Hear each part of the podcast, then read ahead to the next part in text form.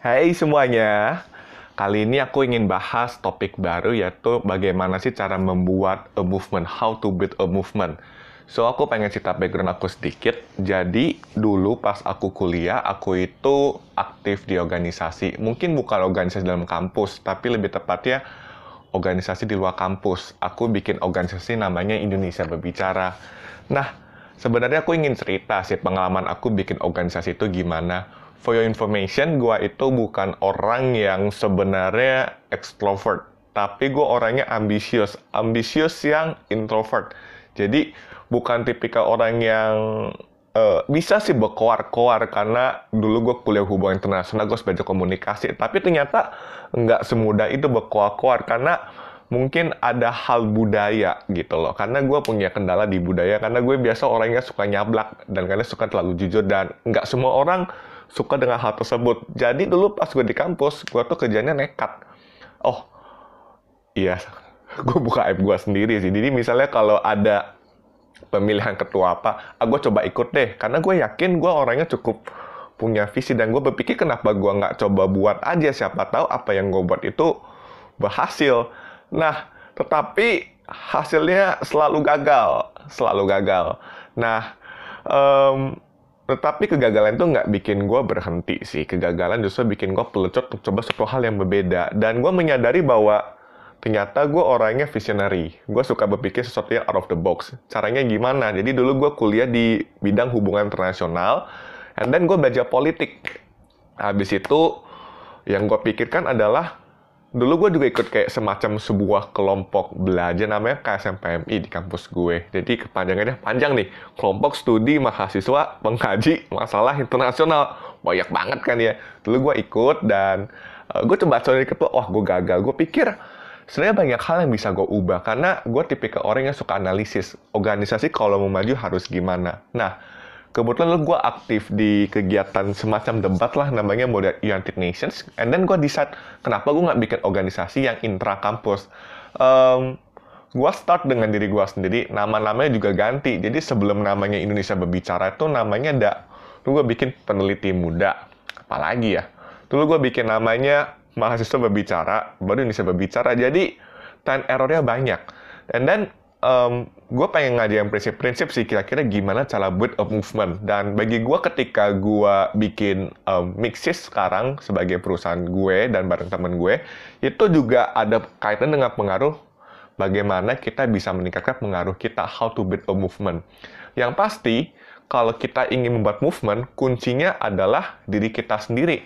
Kev, gue juga tahu, itu mah nggak usah lu ajarin. Yes, bagi gue itu hal yang simple tapi esensial. Kenapa?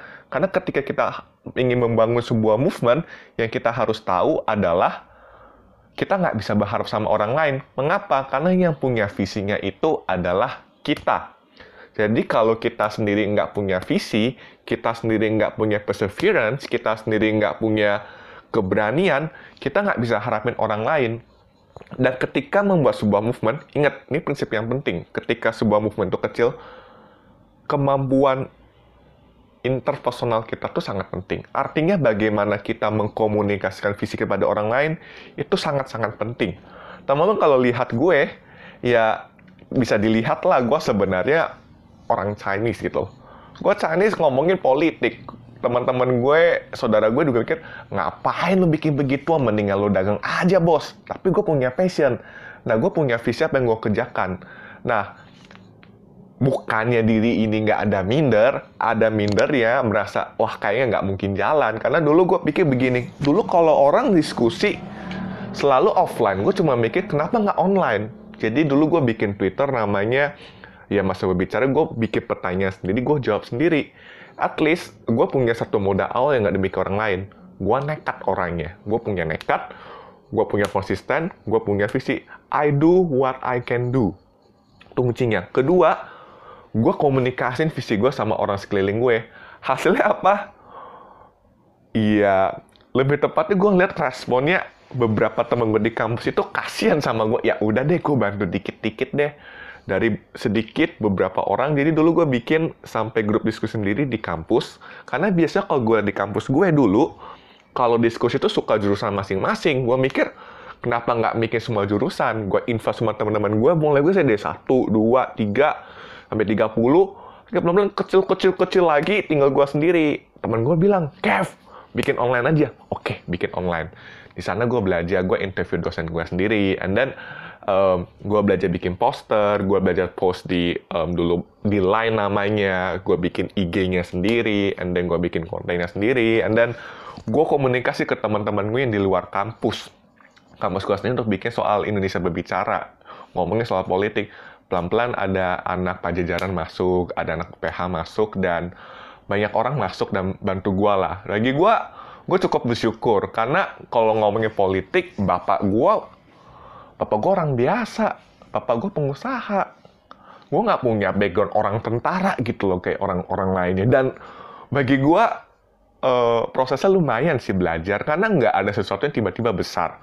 Kita harus belajar dan gagal sedikit demi sedikit. Dan bagi gue yang seru di organisasi membuat sebuah movement bukan masalah eh lo ketuanya deh, lo cepat tenarnya. Bukan, kalau bagi gue poin dari bikin sebuah organisasi yang penting adalah gimana kamu bisa mengkomunikasikan, kamu bisa develop orang di dalamnya.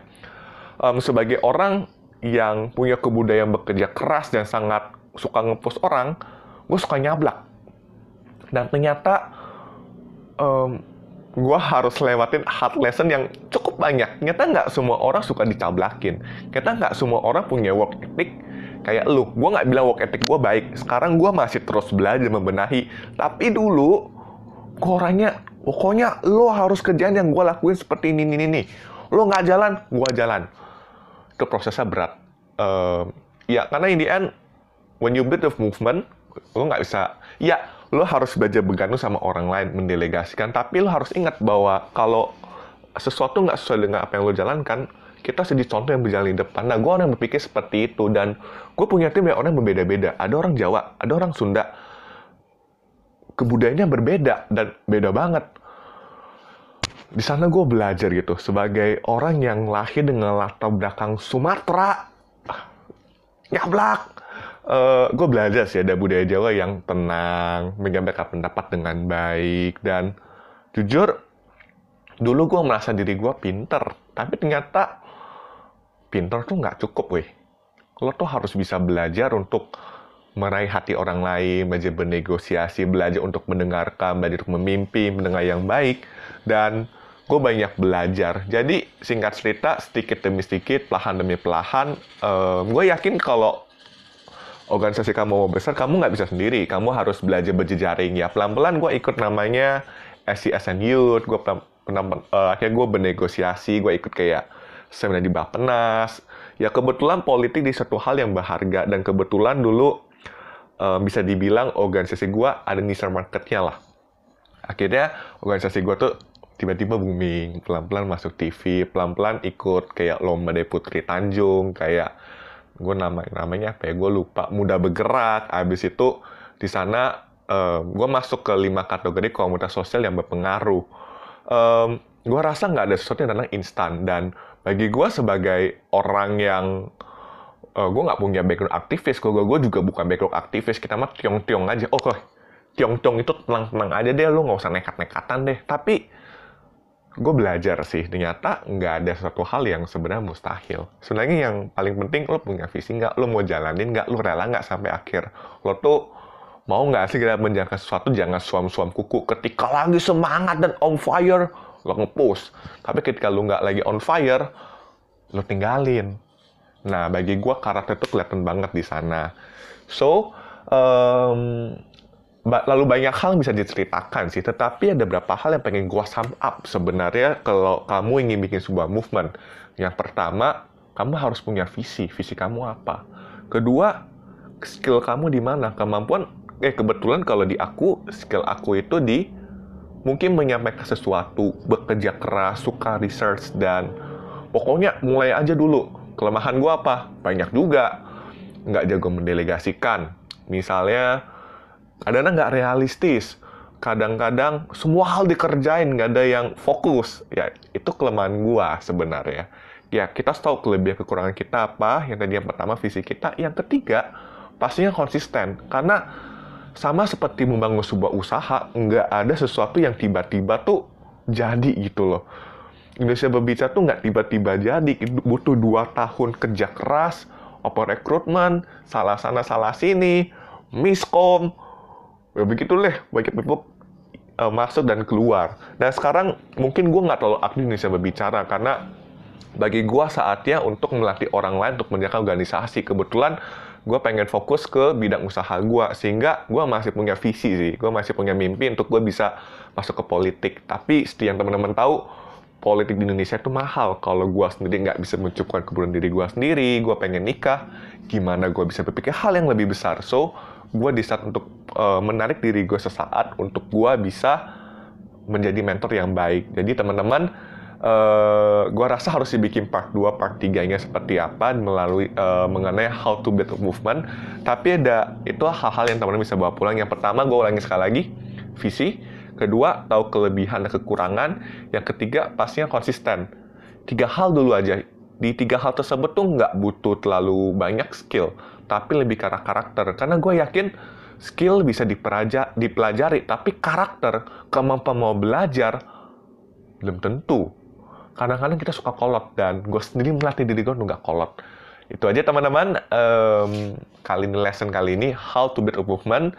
Semoga teman-teman terberkati dan semoga teman-teman bisa belajar sesuatu. Jika teman-teman ada ide saran follow eh, saran follow sorry gue salah ada ide ada saran ada input teman-teman jangan ragu untuk taruh di kolom komentar karena aku ingin bisa improve diriku lebih baik lagi. Itu aja teman-teman, thank you ya. So have a nice day. Bye bye.